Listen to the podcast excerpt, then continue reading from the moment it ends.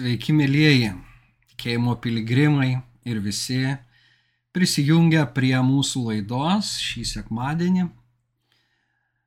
Liko trys savaitės iki sėkminių ir pagalvojau, kad iš tiesų tai puikiai proga kalbėti apie šventąją dvasę. Be galo plati tema, tačiau ir labai reikšminga reikšminga bažnyčiai, kaip Kristaus kūnui, bendruomeniai, na ir kiekvienam atskirai. Šventoji dvasia yra per mažai suvokta trejybės, trivienio Dievo pusė. Tas asmuo, su kuriuo turime iš tiesų labai artimai bendrauti ir gyventi, tikėdami tačiau nepakankamai jį pažįstam. Aišku, vien kalbėjimas dar rezultato neduos, tačiau šiokį tokį suvokimą praplės. Ir be abejo, viena laida neįmanoma priepti visko. Bet aš pradėsiu būtent nuo to, kaip evangelistai mums pristato šventąją dvasę ir tuomet jau galėsime svarstyti, o kaipgi su mumis, mūsų gyvenime. Na ir aišku, pagrindinis klausimas, kurį turiu kiekvienam užduoti. Ar turi šventąją dvasę? Ar esi gimęs iš dvasios? Kaip tik praeitą kartą mes kalbėjom apie tai, ką reiškia gimti iš dvasios. Na, o šiandien uh, plačiau apie pačią šventąją dvasę. Ir uh, Na, aš manau, kad pradėti reikėtų būtent Mato Evangelijoje, pirmojoje sinoptinėje Evangelijoje, nors ištrauką, kurią skaitysime, turi visi evangelistai, įskaitant ir Joną. Šventąją dvasę evangelistai mums pristato per Jėzaus Kristaus krikštą pas Joną Krikštytoją. Skaitome, pakrikštytas Jėzus tuoj pat išbrido iš vandens. Ir štai atsivėrė jam dangus ir jis išvydo Dievo dvasę. It balandis nusileidžiančią ir sklendžiančią ant jo. Tai štai a, šita vieta, šventoji dvasia, nusileidžia tartum balandis ir, na, pasilieka virš Jėzaus. Tai aš ir pasirinkau šį įvaizdį, iš tiesų, kuris yra, na, labai paplitęs įvaizdis šventosios dvasios kaip balandžio. Tačiau akilesnis, na, pastebėjo, kad ši, šis balandis, ši šventoji dvasia yra su lapeliu snape. Ir, na, todėl šitas simbolizmas iš tiesų šventosios dvasios kaip balandžio nėra toks jau paprastas ir todėl reikia aiškintis, kągi turi omeny evangelistai. Ar Jėzus regėjo balandį, ar tartum balandį. Ir iš tiesų, gilinantis į graikišką tekstą, tampa akivaizdu, kad Matas užrašė kitaip nei Morkus ir ypač Lukas matui Dievo dvasia it balandis nusileido. Tos dvasios nusileidimas buvo tartum balandžio, kuris nusileidžia iš dangaus ir, na, sklando ant jo, virš jo, šalia jo. Ir todėl, na, dalis egzegetų mano, kad tai yra iš tiesų aluzija į sukūrimą, į pradžios knygą, kurioje mes skaitome, pradžioje Dievas sutvėrė dangų ir žemę. Žemė buvo be pavydalo ir tuščia. Tamsa gaubė gelmes ir Dievo dvasia sklandė virš vandenų. A, tai vad mes a, atrandame labai panašų, reiškia, tekstą. A, Dievo dvasia sklandė virš vandenų. Tiesa nepasakoma, kad kaip balandis tiesiog dvasia sklandė virš vandenų. Tačiau pasigilinus paaiškėja, kad rabiniškoje literatūroje jau šitoje vietoje atsiranda midrašuose pamokymai apie Dievo dvasę kaip balandį. Todėl galima drąsiai sakyti, labai tikėtina, kad Jėzaus laikais tokia interpretacija buvo prigijusi Ir, na, šventosios dvasios, Dievo dvasios kaip balandžio įvaizdis buvo, na, suprantamas. Bet kągi jis iš tiesų tokiu atveju reiškia? Jeigu tai aluzija į uh, sukūrimo istoriją. Nagi, o tai reiškia, kad dabar prasideda nauja istorija nauja kūryba, naujos kūrinijos pradžia. Ir vėlgi teologiškai tai labai nuoseklu ir toks, na, paaiškinimas svarstytinas. Tačiau kiti tyrėjai labiau sieja ne su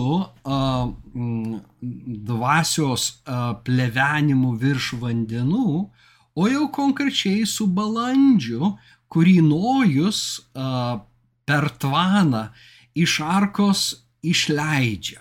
Ir verta irgi paskaityti. Balandis nerado vietos, kur nutūpęs galėtų pailsėti ir sugrįžo, nes vanduo tebe buvo apsėmęs visą žemės paviršių. Nojus ištiesė ranką ir paėmė jį į arką. Palaukęs dar septynias dienas jis vėl išleido iš arkos balandį. Vakare balandis sugrįžo laikydamas snape šviežiai nuskintą alyvmedžio lapą. Labai gražu. Taip, Nojus sužinojo, kad vandenys nusekė ant žemės. Palaukęs dar kitas septynias dienas jis vėl išleido balandį, kuris daugiau nebesugrįžo. Tai pradžios knygos aštuntas skyrius.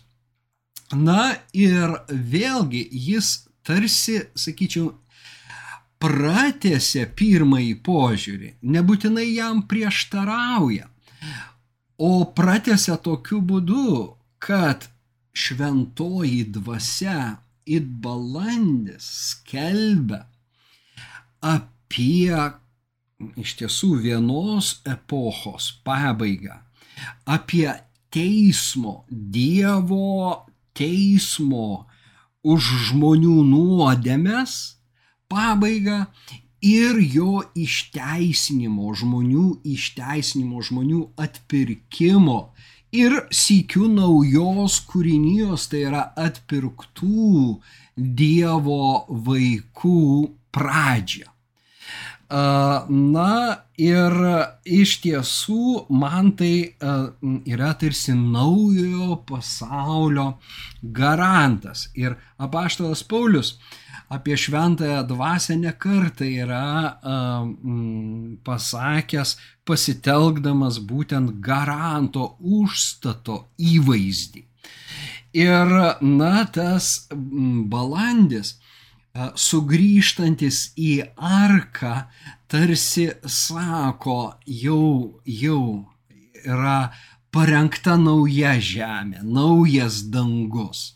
Ir štai to naujo na, pasaulio ženklas, tas alyvmedis.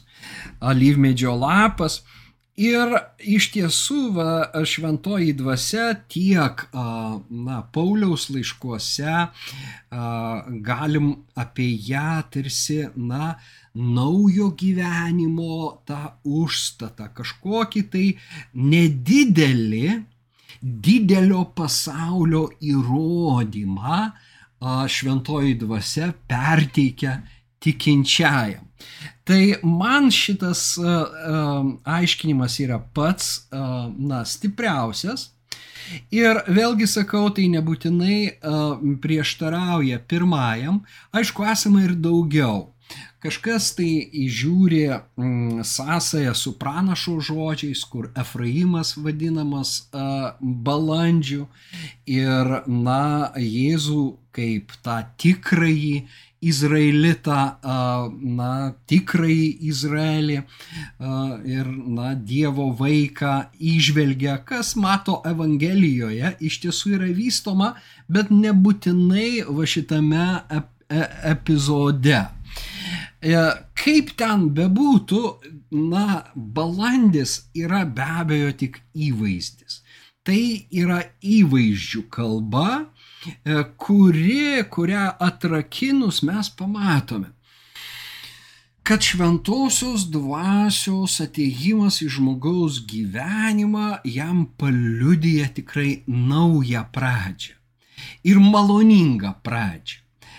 Na, jeigu imti dar tą sukūrimo epizodą, tai ten dar mes matome, kad iš tamsos atsiranda šviesa, sekanti eilutė ir Dievas, na, tarė, te būna šviesa.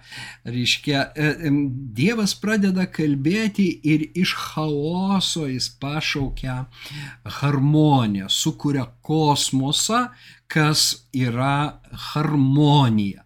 Mm, Darnė harmonija ir žvelgdami į visatą mes iš tiesų tą regime. Negalim atsi, atsistebėti, na vien pagalvojus apie planetas, jų judėjimą ir kiek reikia na, balanso visame kame, kad visa tai judėtų ir mus patalpinti į tą, į tą žemę ir sukurti visas sąlygas mums gyventi, yra, na, iš tiesų be galo didelis e, Dievo stebuklas.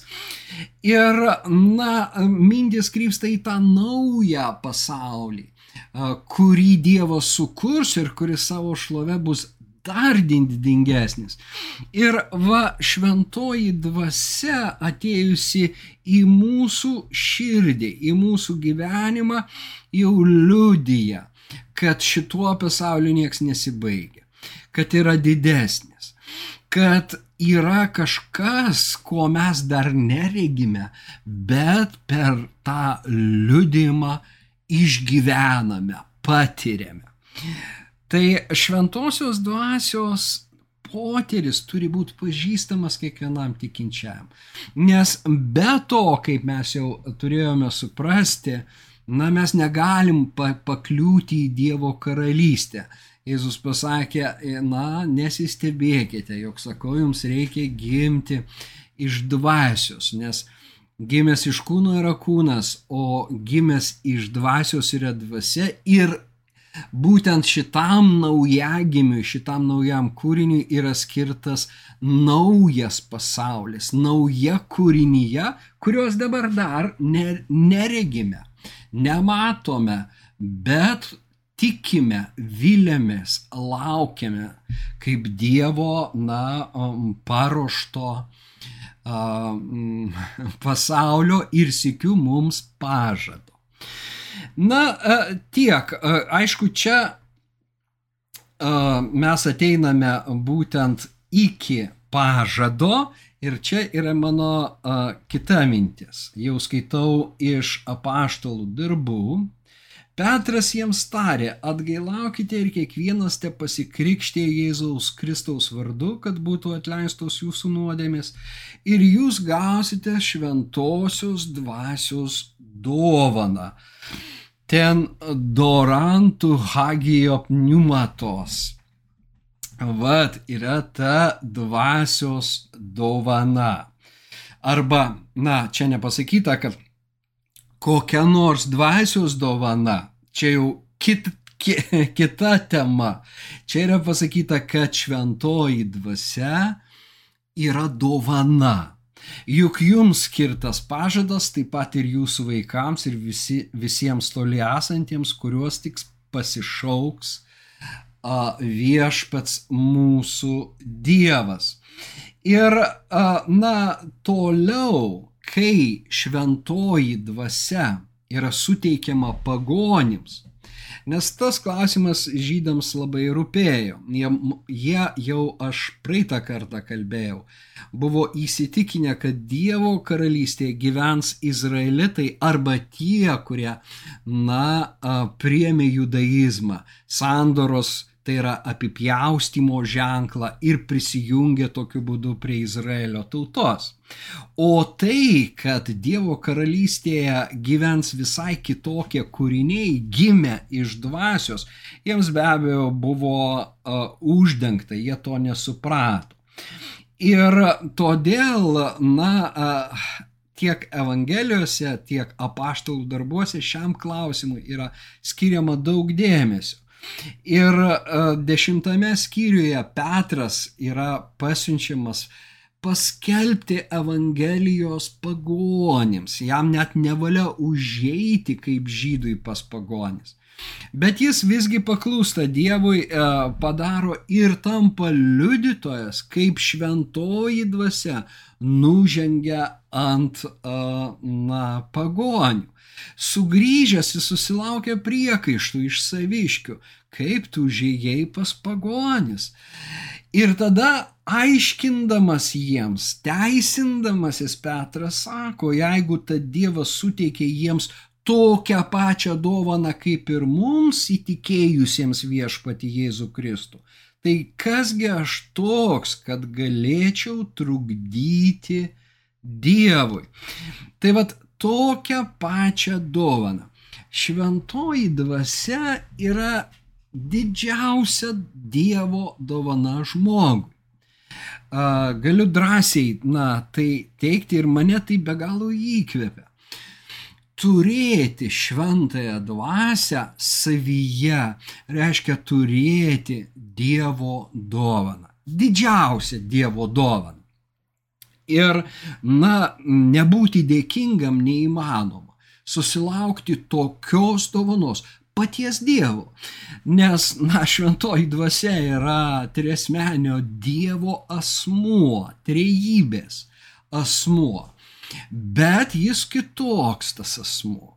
Kiekvienas a, asmuo turi kažką, ko neturi kitas ir mums protu sunkiai suvoko, suvokiama.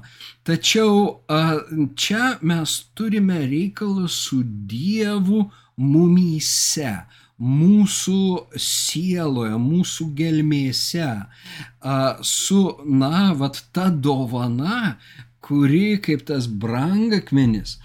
Arba, va, kaip ir minėjau, tas alyvmedžio, tarp kitko, alyvmedis irgi buvo Izraelio simbolis. Tai va čia to naujojo Izraelio Pauliaus uh, leksika. Naujasis Izraelis, naujojo Izraelio ženklas. Alyvmedžio lapas. Tu priklausai tai tautai. Tu esi dalimis, dalimi šventos tautos, kuriai Dievas dovanoja savo karalystę ir save patį kaip tos karalystės karalių. Tai vad nebėra jokio skirtumo tarp žydų ir pagonių tarp vyro ir moters, tarp socialinių sluoksnių. Tai yra Pauliaus temos jo laiškuose. Jeigu jau žmogui duota šventoji dvasia, jeigu ta dvasia veikia per žmogų, tai ką žmogus gali reguliuoti? Va čia mes susidurėme su teisinga Petro nuostata Dievo atžvilgių, Dievo dvasios atžvilgių. Tu negali nurodinėti Dievui. Tu negali, na, sakyti, ten yra šventoji dvasia ir tik tai ten. Arba tik tarp mūsų, Tik tai, na, šitoje bažnyčioje yra šventoji dvasia, kiti jos neturi. Nors per bažnyčios istoriją tokių pareiškimų būta aibės. Bet taip kaip žmogus negali pažaboti vėjo, na, valdyti vėją, nusakyti vėjui a, jo kryptį. Žmogus gali tik pagauti vėjo gūsį ir net jį panaudoti. Na, sakykime, jėgainės ir dabar, dabartinės jėgainės, anksčiau malūnai, tą vėją panaudoja savo geroviai. Tai va čia jau būtų tas simbolis žmogaus išmintingo, kuris nenurodinėja Dievui, o panaudoja jo malonę ne veltui, netuščiai, bet taip, kad jinai sukurtų daugiau gerovės, tos, to ateinančio pasaulio daugiau būtų jau šioje žemėje.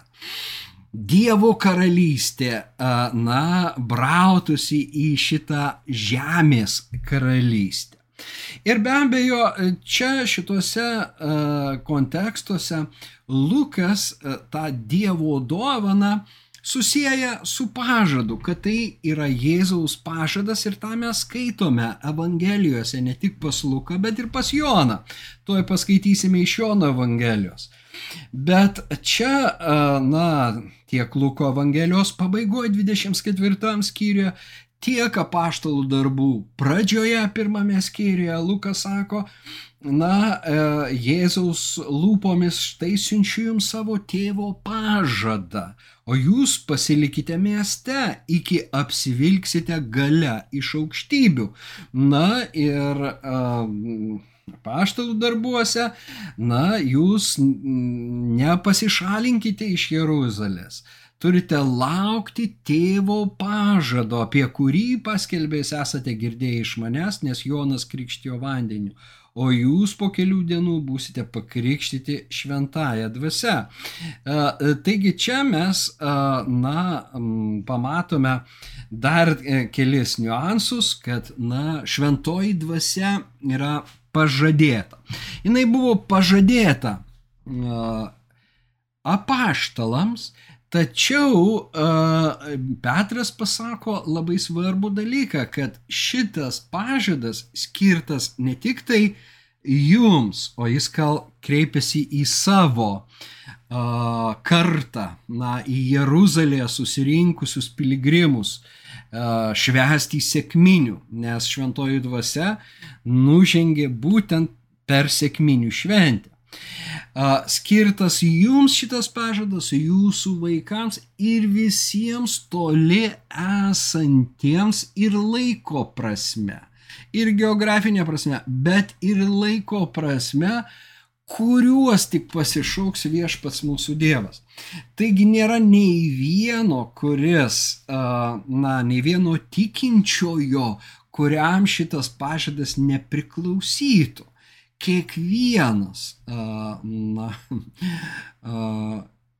turi teisę į šventąją dvasę, į šį pažadą, į šią nepaprastą Dievo dovaną.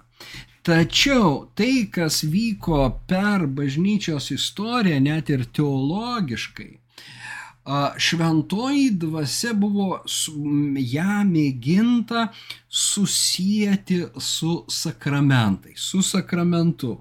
Na ir tarkim, vandens krikštas ir šventosios dvasios, na, su, sutvirtinimo sakramentas, šventosios dvasios gavimas, vėl atiduodamas tarsi į žmonių rankas, kas nėra a, iš tiesų bibliška, nes tame pačiame m, Luko pasakojime apaštalų darbuose mes matome, kad šventoji dvasia pirma nužengia ant Kornelijos, Kornelijaus šeiminos.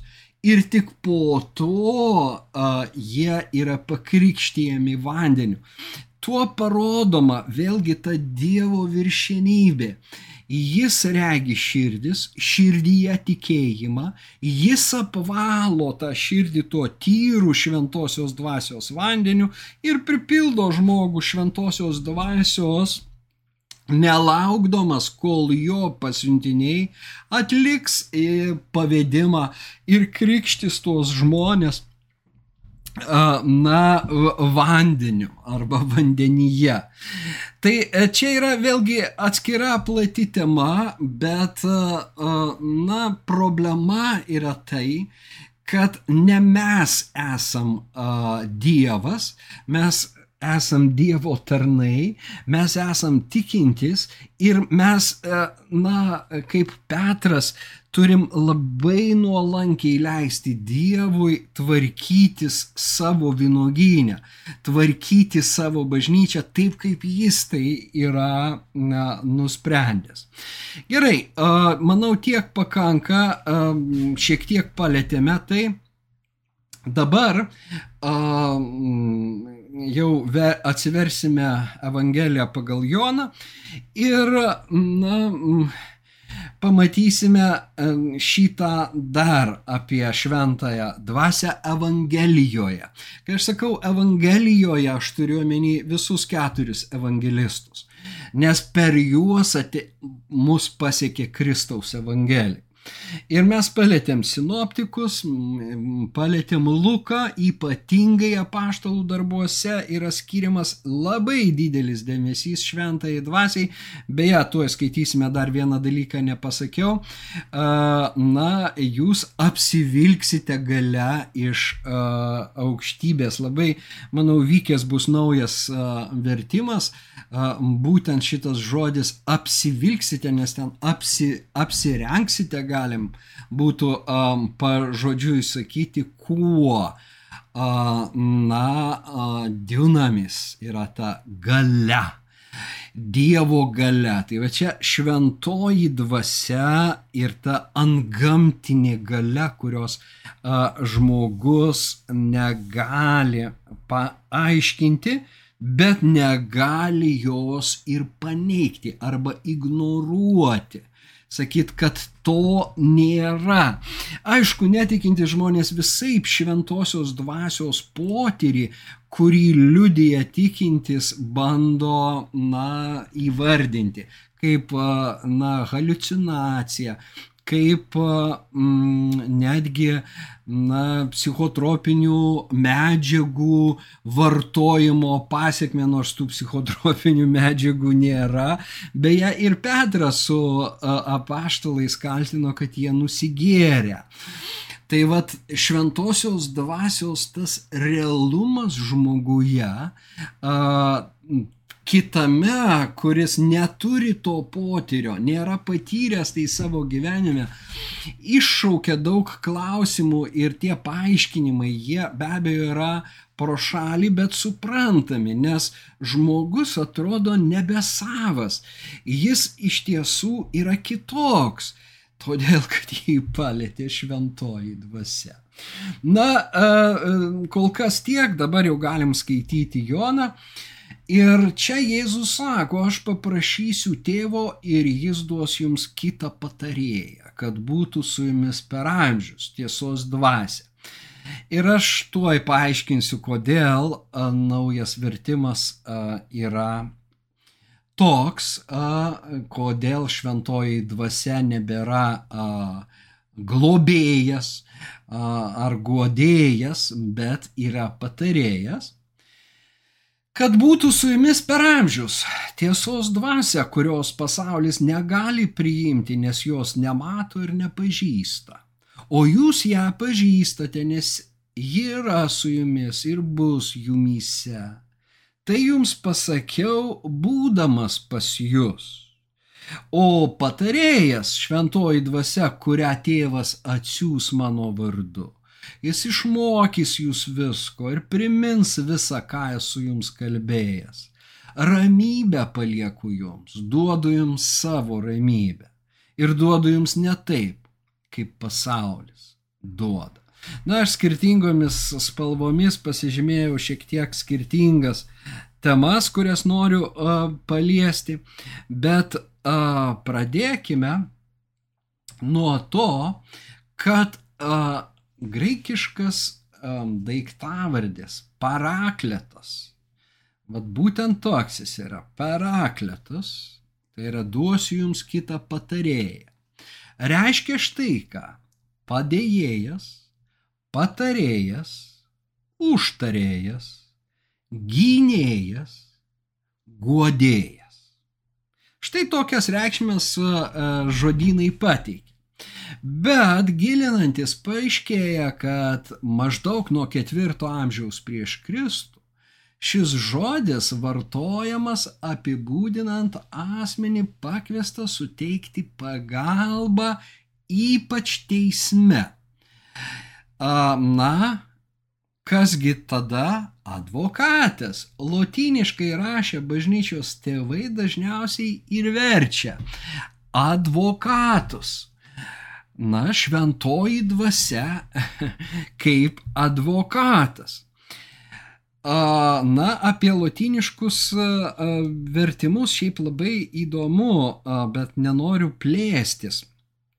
Galbūt tik pasakysiu, kad Jeronimas, kuris išvertė graikišką tekstą į lotynų, Evangelijose jo neišvertė, parakletos taip ir paliekamas.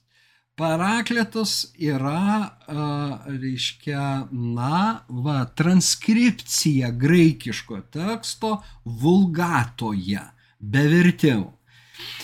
Tačiau, kai šitas žodis pasitaiko pirmame Jono laiške, pirmame skyriuje, štai tokioje vietoje, kad jei kuris nusidėtų, tai mes turime užtarėję parakleton pas tėvą teisų į Jėzų Kristų. Jonas pirmame laiške parakletų, lietuvinkime, tiesiog te būna tai parakletas, parakletų vadina Jėzų. Ir akivaizdu, kad ten pas tėvą jis atlieka užtarėjo funkciją. Jis užtarė mus. Jis nesmerkia, kai tu nusidedi. Jis priešingai užtarė, kad verta atleisti tą nuodėmę, nes jo kraujas yra irgi ten dangui. Ir, na, kaip advokatas, jisai rodo į savo auką. Ir va šitie vėlgi tai simbolizmas be abejo, be abejo, kad tai simbolizmas padeda suprasti Dievo gailestingumą, Dievo atlaidumą, Dievo, beribę Dievo meilę mums. Tačiau Jėzus ten vat yra tas uh, užtarėjas ir lietuviškai, todėl man patinka patarėjas, nes tai yra ta pati uh, šaknis, tik tai skirtinga uh, na, žodžio pradžia, prie, priešdėlis, užtarėjas, patarėjas. Na, galėtume dar pridėti netgi tarėjas. Reiškia, na, bet kuriuo atveju gynėjas. Tačiau čia dar ne pabaiga. A, parakletos kyla iš veiksma, jeigu jau mes kalbam apie semantiką, apie reikšmes iš veiksmažodžio parakaleo. O parakaleo tai drąsinti, stiprinti, guosti, raminti, linksminti. Taip pat prašyti maldauti. Tarp kitko, visos tos reikšmės Naujajame testamente sutinkamos. Nes žodis parakaleo labai a, dažnai pasitaiko. Ir dar vienas žodis, kuris pasitaiko, yra paraklesis. Ne parakletos, o paraklesis. O jo reikšmė yra padrasinimas, paraginimas, paguoda. Ir Paulius, na, dažnai savo laišką vad vadina paraklesiu. Tai yra, na, tai jums padrasinimas, tai yra mūsų paraginimas jums. Bet sikiu tai yra paguoda. Įdomu, kad paraklesis yra ir Dievo paguoda, kai kalbama apie paguodos tėvą. Na, žodžiu, mes matome visą lauką, taigi tas e, semantinių reikšmių laukas yra platus. Ir todėl padėjėjas, patarėjas, užtarėjas, gynėjas, godėjas dar ne visą jį apima, mes turime dar ir na, e, paguodos, ramybės, džiaugsmo konotacijas, tam, na, tose reikšmėse, kurios jų neperteikia. Štai kodėl reikia praplėsti, aiškintis, na ir suprasti. Tai padeda suprasti, kodėl lietuvių vertėjai, na, parakletos vertė štai taip, vad, įdomumo dėliai aš išrašiau, rašydamas komentarus, na, tą irgi esu įdėjęs. Taigi pasižiūrėkite, bus tikrai įdomu. Pirmasis mūsų vertėjas Bretkūnas, na, cituoju Jono 14.16, parakletą vadina linksmintoju. Jis jums kitą linksmintojį duos. Kvantas, tai, na, pirmoji išspausdinta lietuviška Biblija. Ir aš tėvą melsu ir jis duos jums kitą palinksmintojį. Įdomu, kad palinksmintojų verčia parakletą ir bitneris. Na, reformatų vertimas. 18 pradžia amžiaus žiūrime, kad katalikų vertėjai, šiuo atveju Gedraitis, taip pat renkasi, o aš melsiu tėvą, kitą palinksmintojį duos jums. Reiškia, konfesija nebėra skirtumo na, Bretkūnas Kvantas, Bitneris Gedraitis, linksmintojas, palinksmintojas. Hilinskis geina kitų kelių ir išvešia aš melsiu tėvą, o ans jums dos kitą ramintoj. Ramintojas, parakletas kaip ramintojas. Nustepsite, bet jau 20 amžiui Skvireckas, vėlgi, žiūrėkime, Hilinskis reformatas, Skvireckas be abejo katalikas, eina šituo keliu ir irgi renkasi, aš melsiu tėvą ir jis duos jums kitą ramintoją. 20 amžiui kiti vertėjai, na, įveda kitas reikšmes, Jurėnas, prašysiu tėvą ir jis duos jums kitą padėjėją Kavaliauskas renkasi globėjo. Todėl, na, priklausomai nuo to, kurią Biblijos versiją jūs turite, bus greičiausiai arba globėjas Kavaliausko, arba a, gali būti ir guodėjas, jeigu burbulio redakcija skaitote. Na, 96 pirmoji tikėjimo žodžio leidyklos a, laida ir tolimesnės išlaiko guodėją. Ką galima apie visą tai pasakyti? Kad visi šitie na, pasirinkimai nėra blogi, todėl kad pats žodis na, leidžia daryti skirtingus pasirinkimus ir kiekvienas iš tiesų kažką mums pasako apie šventąją dvasę. Ogi mums tava tą ir svarbu supras, kas yra ta šventoji dvasia mūsų širdį ir mūsų gyvenime tai yra linksmintojas. Iš tiesų, Liuteriui šventoji dvasia, na, buvo džiaugsmo šaltinis. Ir todėl liuteroniškos giesmės ir psalminuose, giesminuose pirmose lietuviškose, na, šventoji dvasia vadinama linksmintoja. Šventoji dvasia linksmintoja. Na, tai yra nuostabu. Aišku, tai pilnai bibliška, nes apaštalas Paulius sako, kad Dievo karalystė nėra valgio ar gėrimo dalykas, bet teisumas, ramybė ir džiaugsmas šventojoje dvasioje. Šventoji dvasia linksmintoja, guodėja, ramintoja labai svarbi savybė. Palieku jums savo ramybę, Na, bet visą tą uh, apima ir iš tiesų patarėjas. Nes patarėjas, kai jis patarė teisingai ir teisėjas tavo naudai nusprendžia bylą, atneša be galo didelio neapsakomą džiaugsmą, bet tie patarimai turi ir žymiai daugiau, turi ir tiesos, turi ir, na, daug kitų dalykų. Pažinimo. Patarėjas suteikia pažinimą, kurio tu neturi. Paprasčiausiai, kurio nėra jokių kitų būdų. Ir, na, galbūt globėjas, globėjas, tas, kuris tave globoja, Kavaliausko, sakyčiau, truputį nutolsta nuo a, parakleto reikšmių, bet, na, ir jis yra, na, teisėtas pasirinkimas. Štai kokia ta šventoji dvasia, štai kokia didelė to dovana, štai koks svarbus pažadas duotas tau ir man. Ir aš vada žiūriu į laiką, kad, na, jau 40 minučių kalbu ir galvoju, ar, na, man tęsti ar sustoti. Gerai, dar vieną dalyką pasakau ir juo teks baigti, o ko nepasakiau, pasakysiu kitą kartą.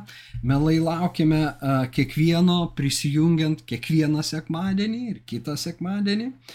Ir kaip jau minėjau, šis laikas iki sėkminių tikrai labai deramas, kad kalbėtume apie šventąją dvasę.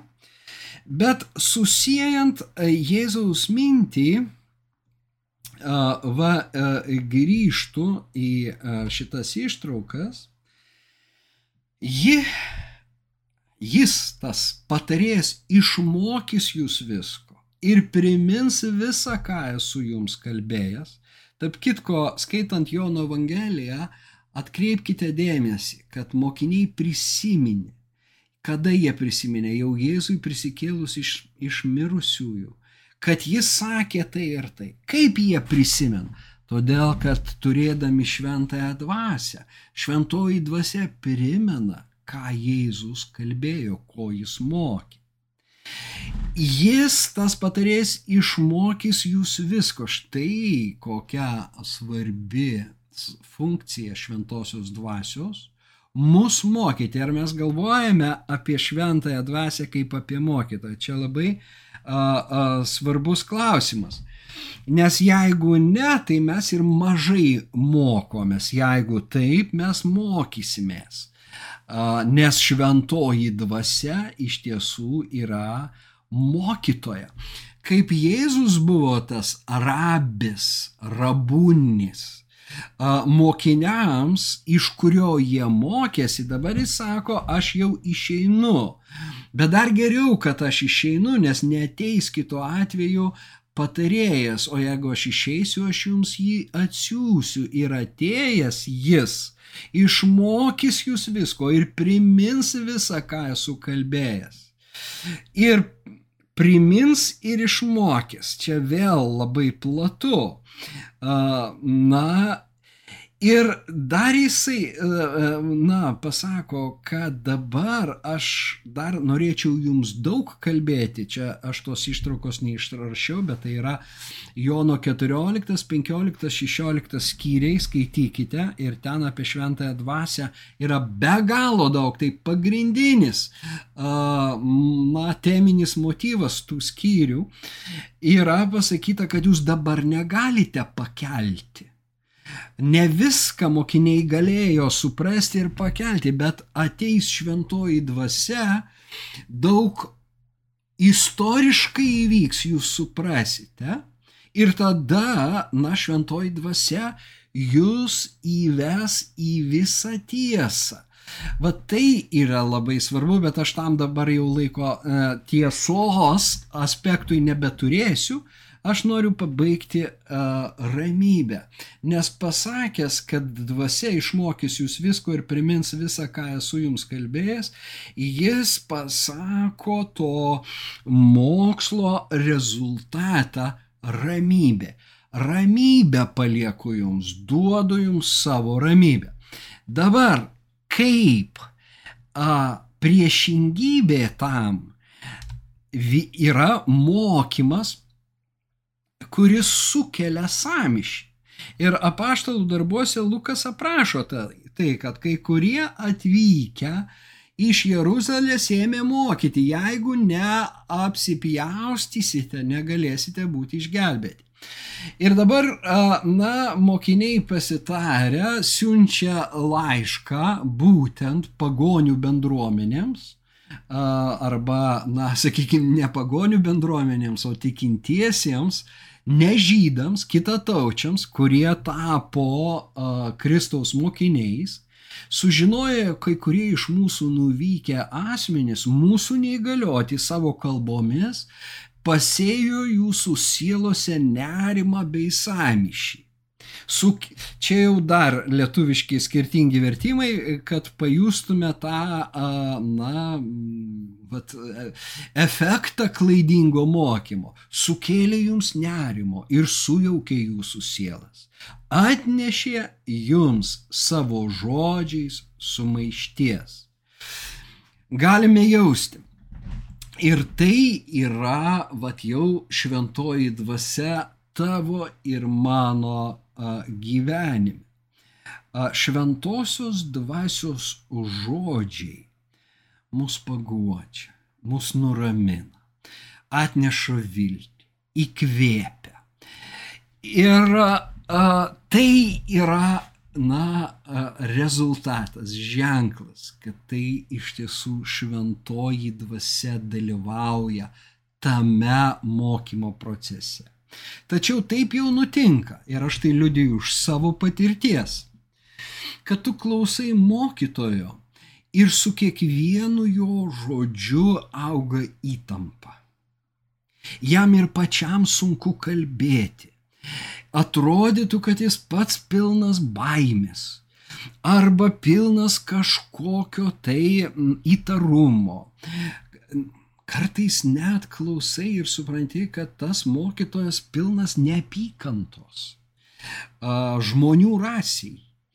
Na, neapykantos nusidėjėliams, kaip jam tai atrodo, bet tai tik tai atneša tą samišį ir nerimą, kažkas su manim netvarkoja. O ką, kaip čia dabar? Ką čia dabar daryti? Ir tai nėra tas klausimas, kurį už, užduoda a, Petro klausytojai per sėkmines ir sako, ką mums daryti, kai, kai jo žodžiai vėrė jiems širdį. Ne, ne apie tai, o apie būtent sumaišti vietoj ramybės. Grįžtam prie kūrimo proceso. Buvo tamsa, chaosas, bet šventoji dvasia sklandė virš vandenų ir atnešė harmoniją. Tai vad ateina harmonija į mūsų mąstymą. Kai mūsų mintis nurimsta, kai mūsų mąstymas įgauna tą dievišką perspektyvą, visas pasaulis atsistoja į vietas. Tu žinai, kaip gyventi, tu žinai, kur link tu judi. Tu esi vedamas šventosios dvasios. Ar nenuostabu tai? Ir priešingai, kai mokymas, na, sukelia vat, mūsų jau aptartą reakciją, tai yra iš tiesų liudimas, kad tai ne tiesos dvasia, o klaidos dvasia, pasak Jono. Bet apie tai jau kitą kartą daugiau. Linkėdamas jums šventosios dvasios ramybės. Atsisveikinu ir iki kitų malonių kartų. Čia gyvenimo pradžia, kai vėl klaupiuos prie tavo kojų, palikusi prekyvietei aistras ir nerimą iš savo lūpų į mano širdį iš savo lūpų į mano širdį, iš savo lūpų į mano širdį, iš savo lūpų į mano širdį kalbėk. kalbėk. Iš savo lūpų į mano širdį, iš savo lūpų į mano širdį kalbėk. قلبك